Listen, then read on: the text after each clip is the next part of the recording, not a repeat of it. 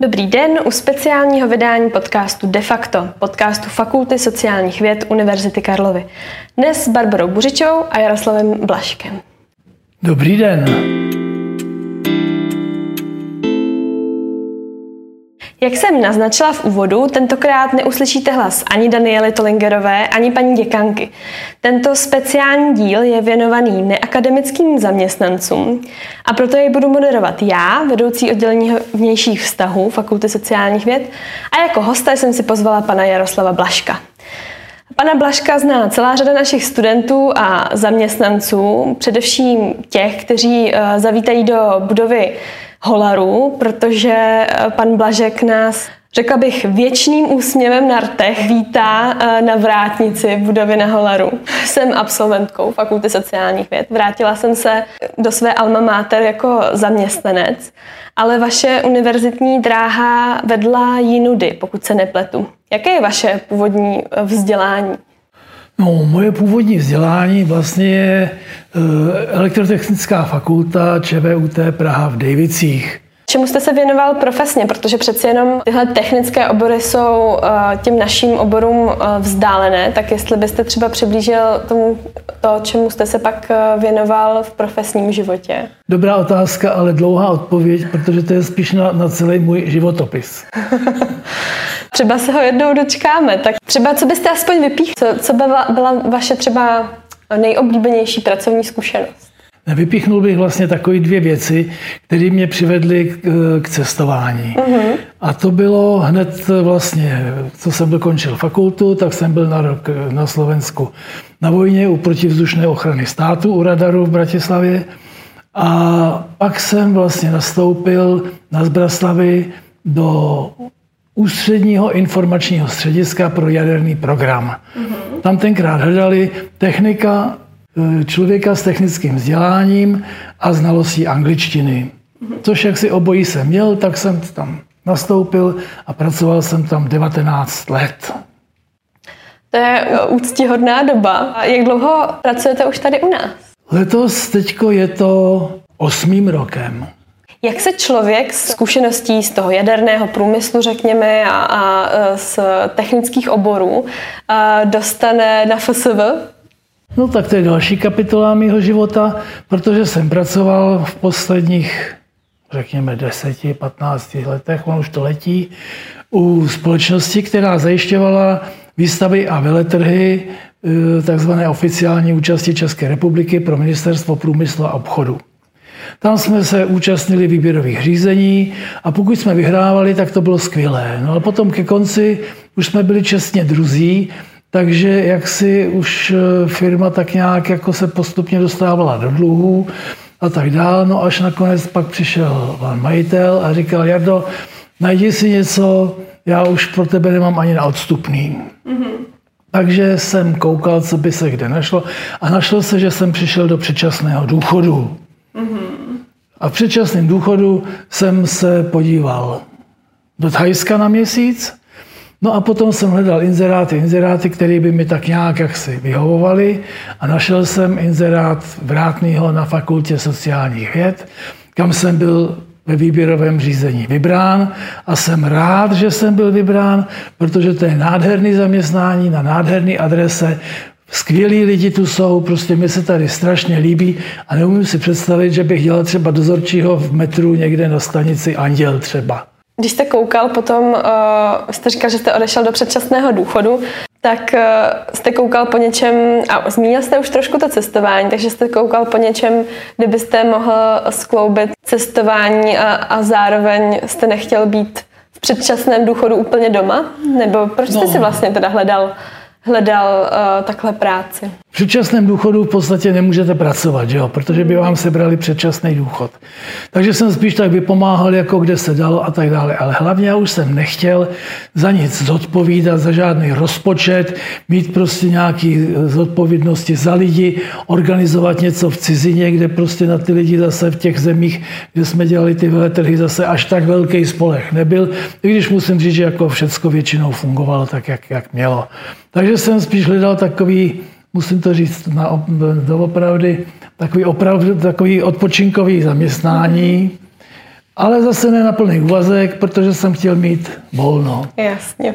Takže cestování během dovolený, s cestovkou postupně, protože takový výlety jako experimenty si dělat sám, to už pak nějak jako, jako to už nešlo. Vy jste už zmínil uh, několik svých cest, ale nedávno jste své cestovatelské vzpomínky sepsal i do knihy Letem světem, kterou tady máme před sebou. A už jenom to, že uh, ta kniha má necelých 150 stran a troufám si říct, že uh, téměř na každé dvojstraně je nějaké nové místo, značí, že jste opravdu velkým cestovatelem. A pamatujete si, kam vedla vaše první cesta za hranice, když pomeneme teda Slovensko? Slovensko tenkrát nebylo vůbec za hranicema, že jo? Právě. První moje cesta byla mezi e, základní devítiletou školou a střední všeobecně vzdělávací školou, což znamená mezi základkou a gimplem. A to jsem měl na takzvaný handl, protože jsme e, na devítce měli vlastně, jsme dostali adresy nějakých e, kluků nebo holek, prostě věkově jako stejných z, ze zemí, teda buď z Německa východního nebo z Ruska. A s těma jsme si dopisovali. Já jsem si mimo jiné dopisoval s nějakou Natašou z poloustrovu Kola, ale to bylo, já byla v škole, o, já byl v škole a celkem za to jako na poloostrov Kola bych se stejně nikdy nedostal a holka taky nic moc. A, takže jsem si psal s Kurtem, ten bydlel ve východním Německu v, v obci, teda ve městě Gera. No a Kurt přijel k nám asi na, já nevím, jestli týden, deset dní. No já jsem pak jel zase za Kurtem do Německa. Tam jsem se naučil trochu německy, no a z toho mi ještě něco zůstalo. Mm-hmm.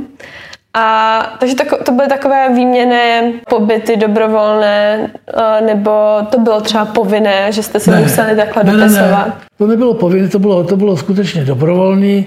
A kdysi můj táta, ten byl takzvaně taky na handlu, mm. jenomže on tam byl, že jo, za první republiky v Německu, tam se naučil perfektně jako mluvit německy.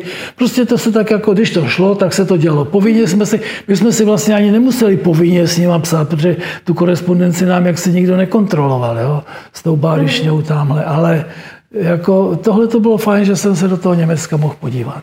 Mm. Jako malý kluk vlastně.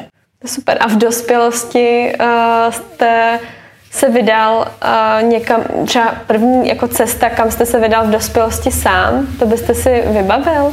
V dospělosti vlastně jsem se vydal uh, se svým kamarádem, který studoval archeologii uh-huh. a vydali jsme se vlastně mezi Gimplem a Vejškou, jsme se vydali do Anglie, do Walesu uh-huh. na archeologické vykopávky na pozvání Cardiffské univerzity a to bylo v roce 69, tedy 1969.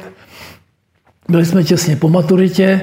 Musím říct, že tenkrát to byl snad jediný rok, kdy se nemuselo maturovat povinně z ruštiny. Uh-huh. Tož jsem si vybral angličtinu, která se mi jaksi v té Anglii, teda v, tý, v tom Velsu, hodila. No a tam jsme byli celý prázdně, dva měsíce. Uh-huh. Jo, to bylo perfektní. A co jste tam dělali celé dny?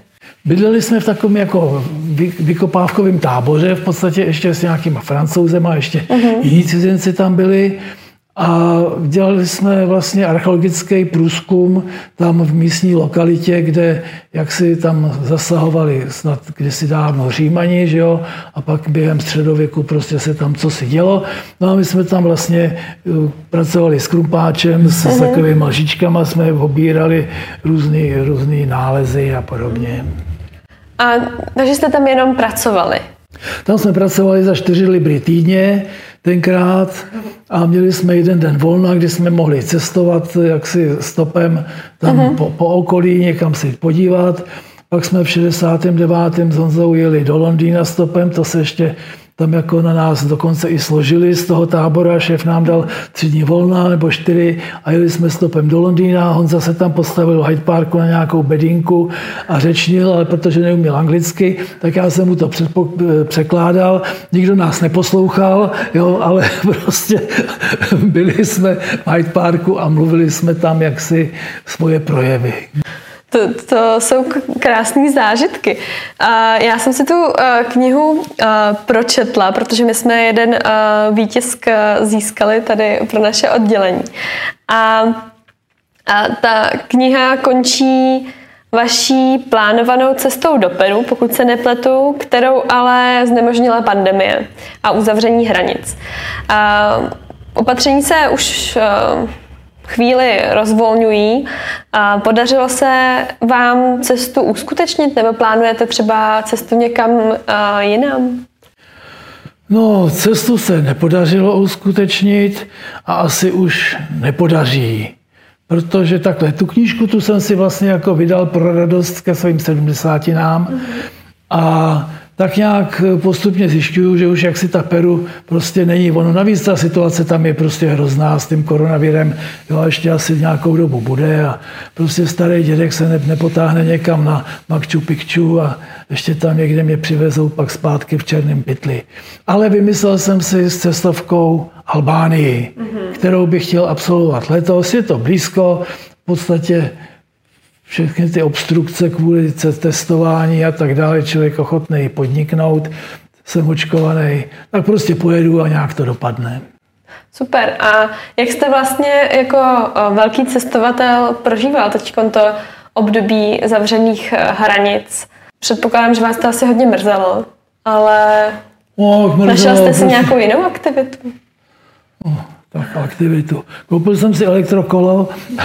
To je super, to je super aktivita. No, a objíždím prostě okolí kolem Brd a a tam prostě vždycky si najdu nějaký Stejně cíl. cestujete jenom ne na takovou vzdálenost. Nemusím být všude.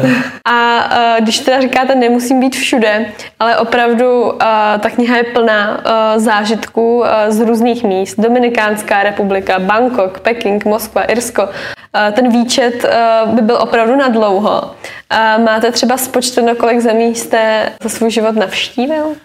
No, Nemám.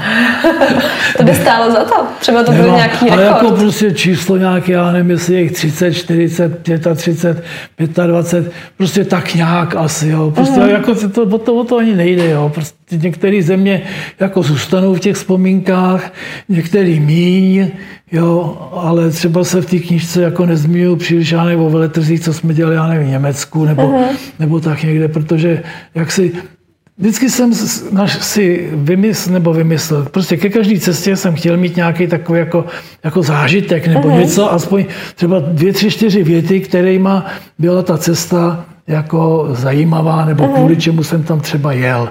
Jsem chtěl, jet, jsem chtěl vidět čínskou zeď, tož jsem jel do Číny. Chtěl jsem vidět most přes řeku Kvaj, tak jsem jel do Thajska. Chtěl jsem vidět východ slunce nad Saharou, tak jsem jel do Maroka. Chtěl jsem vidět Etnu, tak jsem jel na Sicílii. Jo? Vždycky prostě něco takhle jako, no a v podstatě, jako já nevím, v Hanoveru na výstavišti, jako tam, co tam, že? Jasně. A t, uh, já předpokládám, že tyhle ty pracovní cesty, takže uh, to z velké části stejně uh, byla práce a, a člověk se možná utrhnul na pár hodin nebo na několik No, No, je to, je to pravda. Většinou jsme na ty destinace, které byly jaksi převážně, kromě teda Evropy, že jsme vyhrávali výběrové řízení na destinace v jihovýchodní Asii. Uh-huh. Jo. A tam jsme jeli dva, vždycky na, tý, na tom výstavišti s námi spolupracoval třeba obchodní rada z vyslanectví, uh-huh který přišel a řekl, kluci, dohodněte se, jednoho z vás vemu dneska, druhého zítra a někam se pojedeme podívat. Jo. jo. takže jsme se prostě urvali, buď, buď to bylo na celý den, nebo aspoň na půl dne nebo jsme zajišťovali do takový doprovodný program pro e, úředníky z ministerstva, který uh-huh. taky prostě by neseděli celý den na stánku. No, takže jsem je vozil po, po té pobřežní cestě v Austrálii dole od Melbourne, takhle podle moře. No paráda, no jezdí se tam vlevo, ale v podstatě to šlo. Jo. Nenaboural jste. Neboural jsem, ale pozor na kruháče. Každému dalšímu cestovateli říkám, když se jezdí vlevo, nejbez, nejnebezpečnější jsou kruhové objezdy, prostě, mm. aby nevěl najednou do protisměru. Já jsem teda nikdy v zahraničí, kde se jezdí vlevo, neřídila, ale toho bych se teda hodně bála, protože to musí být jako velký nezvyk vlastně No je to nezvyk, prostě je to nezvyk, ale jako na dálnici je to jedno, ale v tom městě prostě jako je potřeba si zvyknout.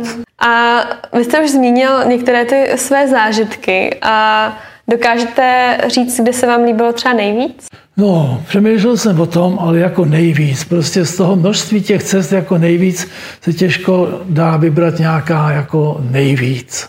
Jo. Spíš jsem si říkal, jako země, do kterých jako bych už nejel, anebo nechtěl jet. Mm-hmm. Jo? A z toho vlastně mi vyplynulo, že bych třeba nechtěl jet na Ukrajinu, jo? Mm-hmm. nebo nechtěl bych jet, nechtěl bych jet někam mezi, mezi Araby. Mm-hmm. Jo?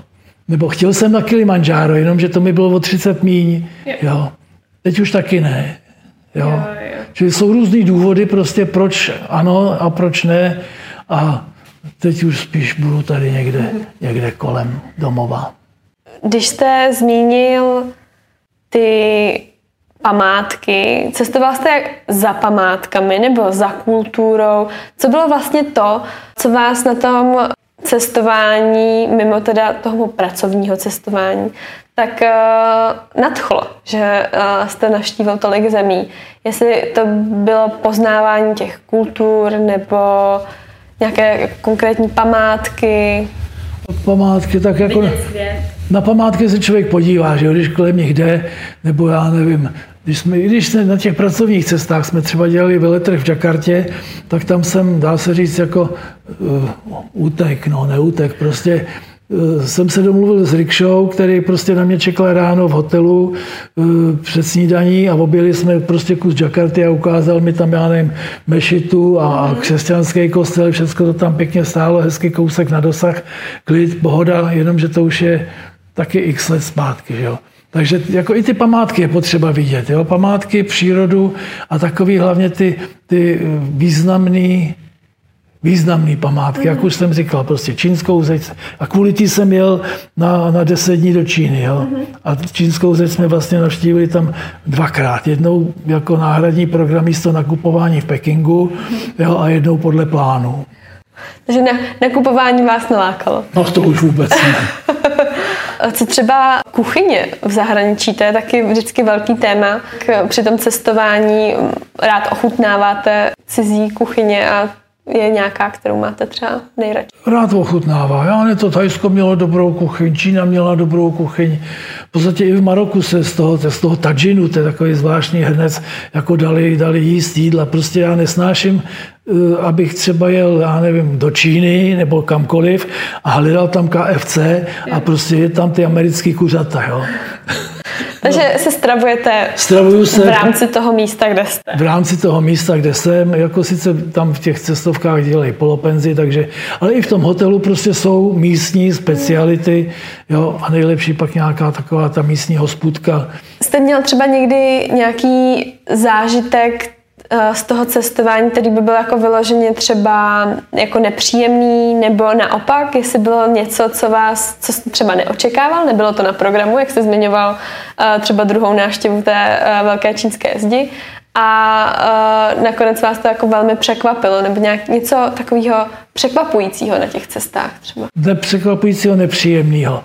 Takže mi ukradli v metru v Římě peněženku. Uh-huh. Jo, to bylo nepříjemné. Naštěstí jsem tam neměl tolik peněz, no prostě to bylo takový nepříjemný. Jo. Mile mě překvapilo zase to Thajsko, že jsem si tam vybíral výlet, že já jsem tam byl jakoby na vlastní triko. Čiže uh-huh. celou tu cestu měsíční jsem si půl roku předtím naplánoval, koukal jsem po internetu, uh-huh. Jako kde co. No ale pak prostě přijedete do toho, do toho města, a tam jdete po ulici a tam prostě místní cestovka nabízí výlet celodenní s možností plavby na voru bambusovém a jízdu na slonu. Jo? No tak nekupte to, že? koupil autobus, takový ten mikrobus, já pro 6-8 lidí, přijel, nabral nás, tohleto, odvez nás prostě na ty místa, jo, dokonce tam byla i návštěva nějaký místní takový jako restaurace, uh-huh. že to bylo i s obědem, no, to bylo milý, to prostě to byla paráda to si člověk užije jako... Neměl jste to naplánované úplně? Neměl jsem to naplánovaný, jako abych si od nás prostě objednával nějaký výlet tam, jako to, to, to, to ne. To je nejlepší vždycky, vždycky na místě, jednak je to levnější a jednak prostě podle, podle možností a podle času a podle situace. A je nějaké místo, kam se třeba ještě chcete podívat? Teďka bych chtěl tu Albánii, Aha. Pak bych chtěl za svým kamarádem do Španělska, on tam bydlí, tam už jsme jednou byli, jsme si udělali po Andaluzii takový, takovou okružní cestu, mm-hmm. no, takže to bych tam za ním zase, já nevím, na těch deset dnů zajel takovou mm-hmm. pánskou jízdu, bychom si udělali. No a v podstatě ono stačí jednou za rok někam vyjet a odpočinout si tím letím způsobem. Jo. Takže to mám plán teďka na letošek a na příští rok. Pak bych rád ještě do Portugalska. Tam je tam ta cestovka, co s ní teďka jezdím, mm. těch 55+. Plus tak dělá cestu do Portugalska po stopách dávných mořeplavců. Mm-hmm. Jako ne, že bychom někam jeli lodí, ale prostě po těch místech, odkud já nevím, kde, kde Kolumbus třeba mm-hmm. odtud vyjížděl, nebo jo, mm-hmm. co kdy kde bylo, tam bych se rád podíval. To taky není tak daleko. V rámci FSV máme velkou a v rámci dokonce Univerzity Karlovy dokonce největší zahraniční mobilitu. Ale stále se najdou studenti, kteří váhají, zda studijní pobyt nebo stáž v zahraničí zkoušet, jestli vyjet. Co byste jako takhle otřelý cestovatel těmto studentům vzkázal, kteří se bojí třeba jazykové bariéry, odloučení od domova? Jak byste je třeba povzbudil? Já být v jejich věku, tak to beru všema deseti. Mm-hmm. Jo. Protože jednak tam jako, jakoby se tam něco naučí, že jo, tam prostě to, to jako já, když jsem jezdil na veletrhy, taky jsme tam makali. No ale ve volném čase prostě můžu poznat, jak tam ty lidi doopravdy žijou, ne to, co nám tady předvádějí v televizi, v různých nějakých takových těch pořadech ale opravdu promluvit si tam s těma vrstevníkama, podívat se, jak, jak to vlastně je, jak prostě tam je demonstrace, jak tam házejí molotovový koktejly, jo, prostě si to prožít trošičku a vědět potom, jako, jak to je a o čem mluvit. Nevím, jestli tímhle jsme úplně uh, nalákali uchazeče nebo, nebo studenty uh, pro to věd, a, ale třeba ano, třeba ano. Dobrodružný povahy to snese. Je mi jasné, že Jaroslav Blažek eh, by to bral všemi deseti. Moc vám děkuji za rozhovor a myslím si, že eh, jak jelikož bude vycházet v létě, že to je takový hezký letní speciál. Příště se můžete znova těšit na naše akademiky a absolventy eh, a absolventky. Budeme se těšit při dalším speciálním díle zase z někým z jiných hostů z řad zaměstnanců. Já vám děkuji za to, že jste si mě vybrali a přeju mnoho úspěchů v dalších podcastech. Děkujeme.